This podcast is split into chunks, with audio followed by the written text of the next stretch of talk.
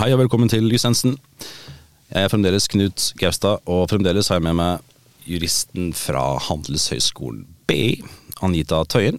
Vi eh, roter rundt i forvaltningsrettens verden. Vi har vært igjennom en introduksjon om selve rettsområdet.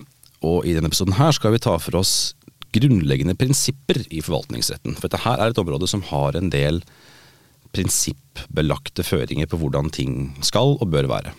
Det som eh, kanskje skiller forvaltningsretten litt ut fra mer tradisjonelle retter, er eh, dette her med ulovfesta prinsippføring. Eh, det med ulovfesta prinsipper, Anita, hva er det?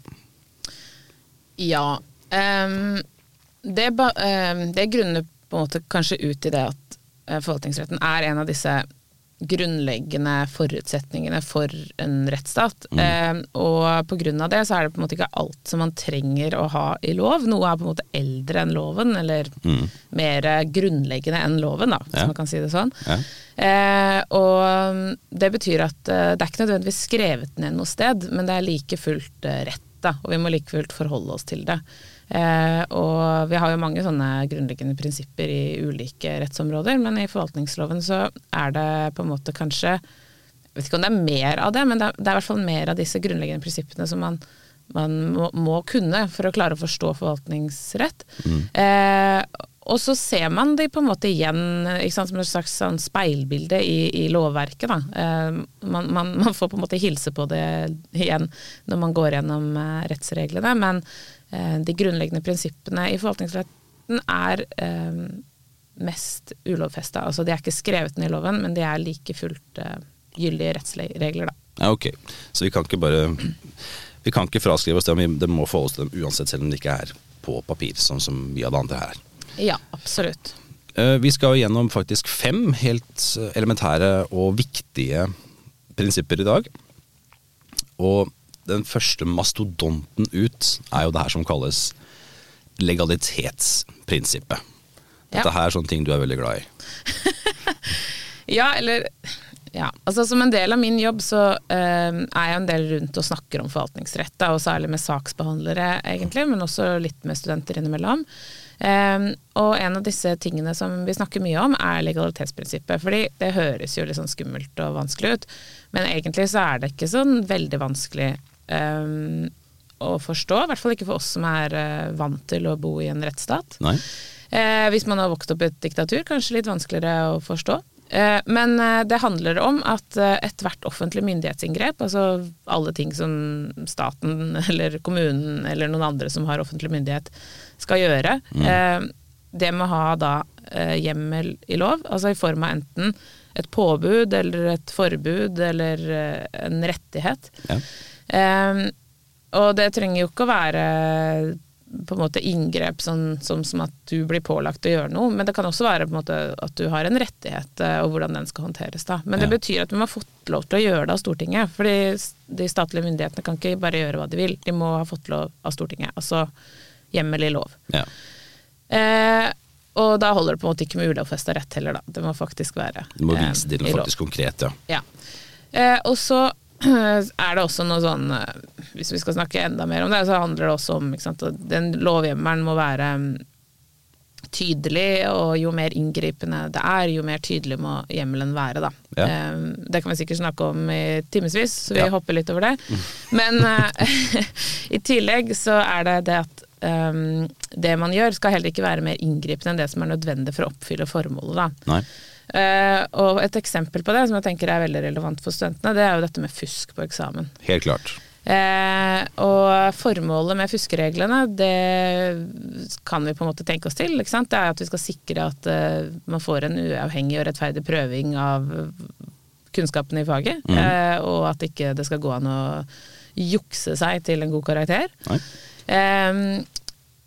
Og da er det sånn at eh, skal vi ta en student for fusk, eh, så må det foreligge en fuskehandling. Ikke Ja. Og det er jo ikke bare sånn at vi på Kristiania eller BI kan bestemme helt ut av det blå hva som er fusk. Det, dette må være forutsigbart, så vi må på en måte ha lagd disse reglene på forhånd. Ja.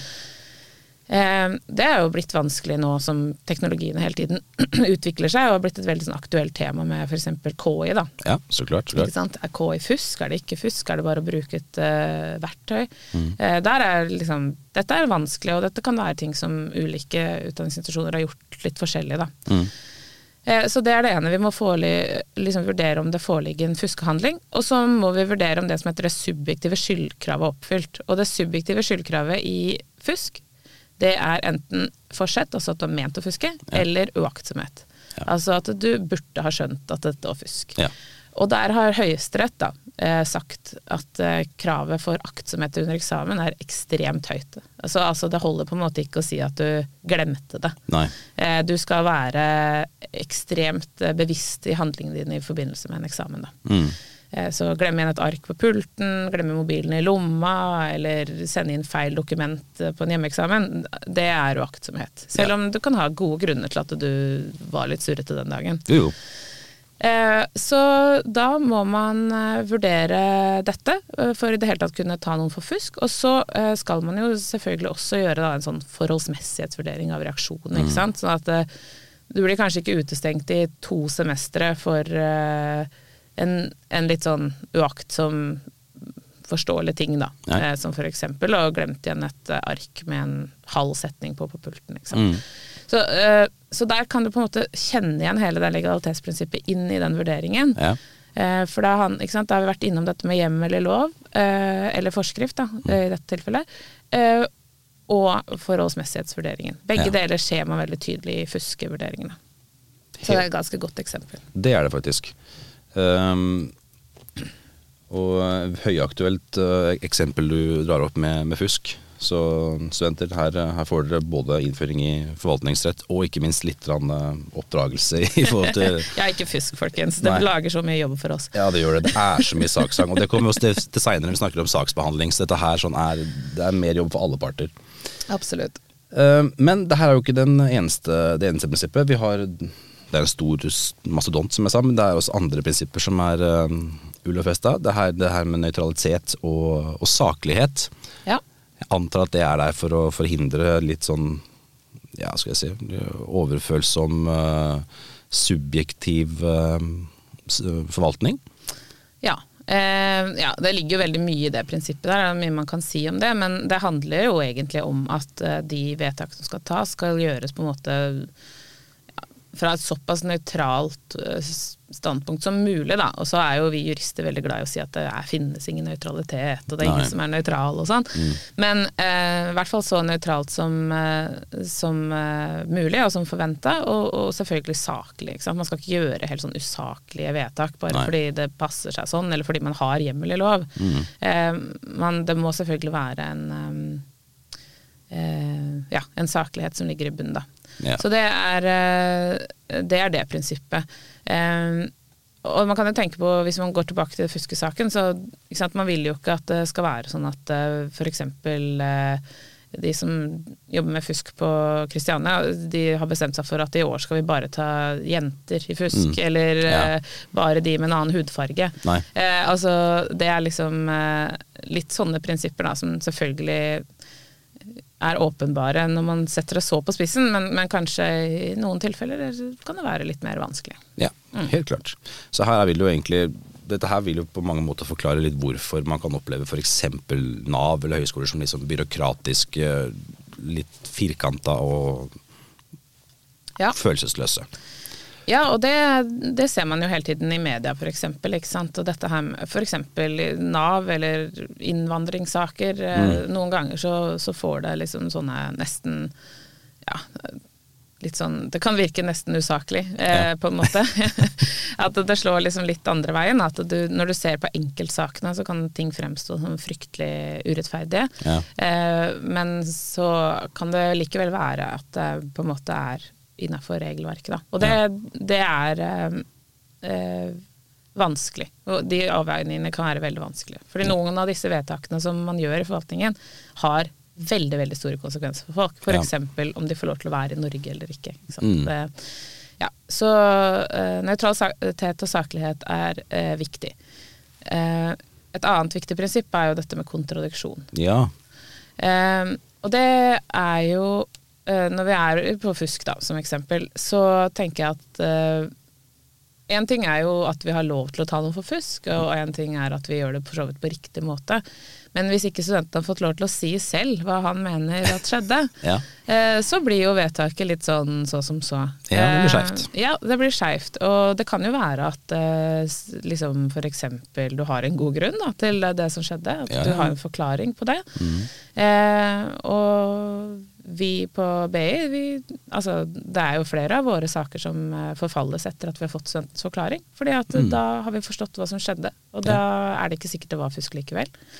Så mm, kontradiksjon, eh, det betyr egentlig bare muligheten til å si sin side av saken. Ja. Eh, og, og det forutsetter jo selvfølgelig også at du får vite at det er en sak, og at du får vite hva slags informasjon som ligger i den osv. Så, videre. så der ligger masse i det kontradiksjonsprinsippet, da. Men, Ja, eh, men det er også veldig, veldig viktig. Det, da er vi, det sniffer liksom tilbake igjen på det vi snakka om angående rettssikkerhet i forrige episode. Det, Ja. At du faktisk ikke skal bare bli reint overkjørt av en overmakt, på en måte. Ja, og eh, hvis vi har Vi kan på en måte se på disse vedtakene liksom, Det er jo liksom to forskjellige vedtak. Det ene er jo det som på en måte der staten kommer og griper inn i livet ditt, sånn som i fuskesaker eller eh, eh, når det blir pålagt av kommunen å utbedre vannrørene inn til huset Mm. ditt fordi de er for gamle. altså Sånne ting som det føles ut som de bare kommer ovenfra og liksom tar deg. Ja. Eh, men så har du jo også alle de sakene der det er du som har søkt om en rettighet. eh, F.eks. når du har søkt om penger til Nav osv. Mm. Eh, og det kontradiksjonsprinsippet vil jo se litt ulikt ut i de type sakene. Da. For i det ene tilfellet så er det jo faktisk du som har sendt inn søknaden selv, Ja. eh, og i det andre tilfellet så vet du ikke nødvendigvis at det vedtaket kommer før det kommer, da. Eller Nei. i hvert fall før varselet om vedtak kommer. Så, ja, så kontradiksjonsprinsippet oppfylles på litt ulike måter, litt avhengig av hva slags vedtak det er snakk om, men, Mm. men eh, det er i hvert fall et veldig viktig prinsipp, da. Ja, definitivt. Eh, men vi er ikke ferdig med det. Vi har to eh, prinsipper igjen. Ja. Det ene er da eh, likebehandling. Ja, Den har jeg hørt mye om, for det er, det er ofte sånn at alle saker skal behandles likt, og liksom Ja. forskjellig, men er det så enkelt som det? Nei. Eh, hadde ikke det vært eh, gøy hvis det var så enkelt? Det, det ville jo vært fryktelig Det ville jo fått fryktelig feil eh, resultat, da. For Ja. da, hvis du har sett den derre tegningen med den derre apen og elefanten som skal klatre i et tre, Ja. Ja, altså da, da får vi den situasjonen, ikke sant? At alle skal gjøre akkurat det samme. Ja. Eh, sånn fungerer det jo ikke. Det er sånn at like saker skal behandles likt. Eh, og eh, sjelden er to saker helt like. Sant. Det er sant. Eh, vi skal jo inn på i neste tema dette med skjønn. eh, Mm. Og eh, alle disse prinsippene de vil jo hele tiden være i konflikt med hverandre. Mm.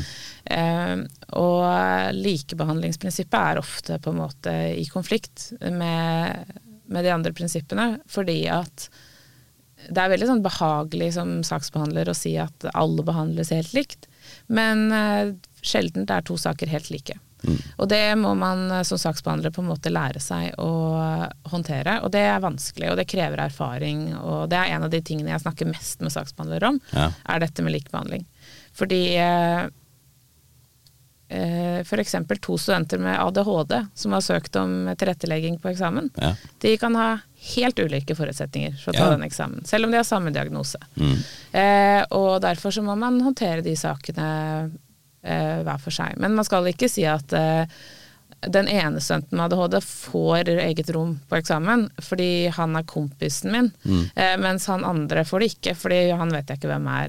Eh, så det er på en måte å sette litt på spissen, da, men, men likevel så eh, handler det på en måte om at vi skal eh, vi, sk- vi skal ikke la liksom, usaklige hensyn, som f.eks. hvem vi kjenner, hvem vi liker, eller våre liksom, underliggende tanker om personen, eh, påvirke de vedtakene vi gjør. Da. Nei. Og det er eh, lett å si, og så er det noen ganger litt vanskelig å gjøre. For det, det kan jo være mm, at det ikke er første gangen man hører fra den studenten, og at det kanskje har hatt litt hende. dårlige erfaringer i Er litt fra før, ja. og. Eh, og det skal saksbehandlere på en måte trenes opp i og, eh, ja, og, og, og klare å overse og faktisk behandle hver sak eh, på en saklig måte. Da.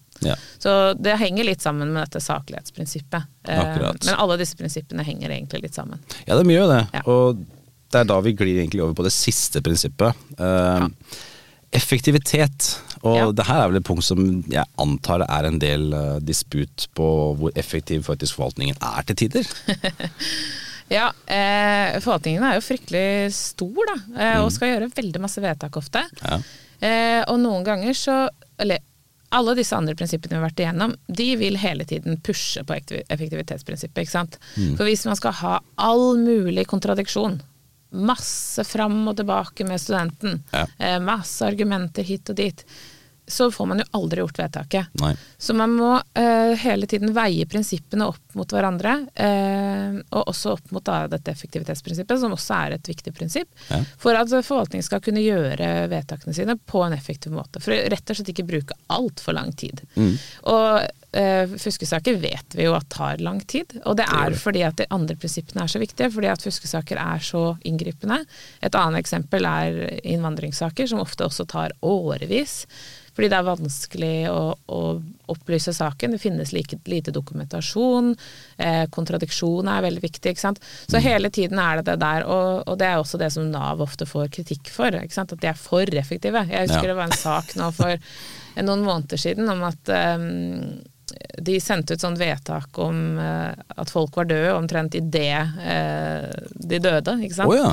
Eh, Og da fikk de kritikk for det også. Så alle disse prinsippene her skal veies opp mot hverandre, og man skal hele tiden passe på at man er, gjør ting så effektivt som mulig, men samtidig da ta hensyn til de andre prinsippene. Skjønner. Så det her er helt en sånn balansegang da, som ikke, mm, ikke er så lett som det kanskje kan se ut som på papiret. Da. Men, eh, men jeg tenker at saksbehandlere får veldig masse erfaring med det, og de blir ofte veldig gode på det, uten at de liksom sjøl skjønner at de er gode.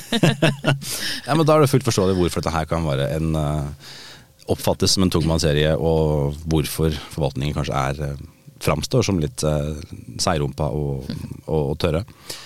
Men nå har vi vært igjennom de viktige, viktige prinsippene. Eh, dette her er normalt noe dere finner i store fagbøker, så nå har vi jo klart å skvise essensen ned til eh, litt i overkant av et kvarter.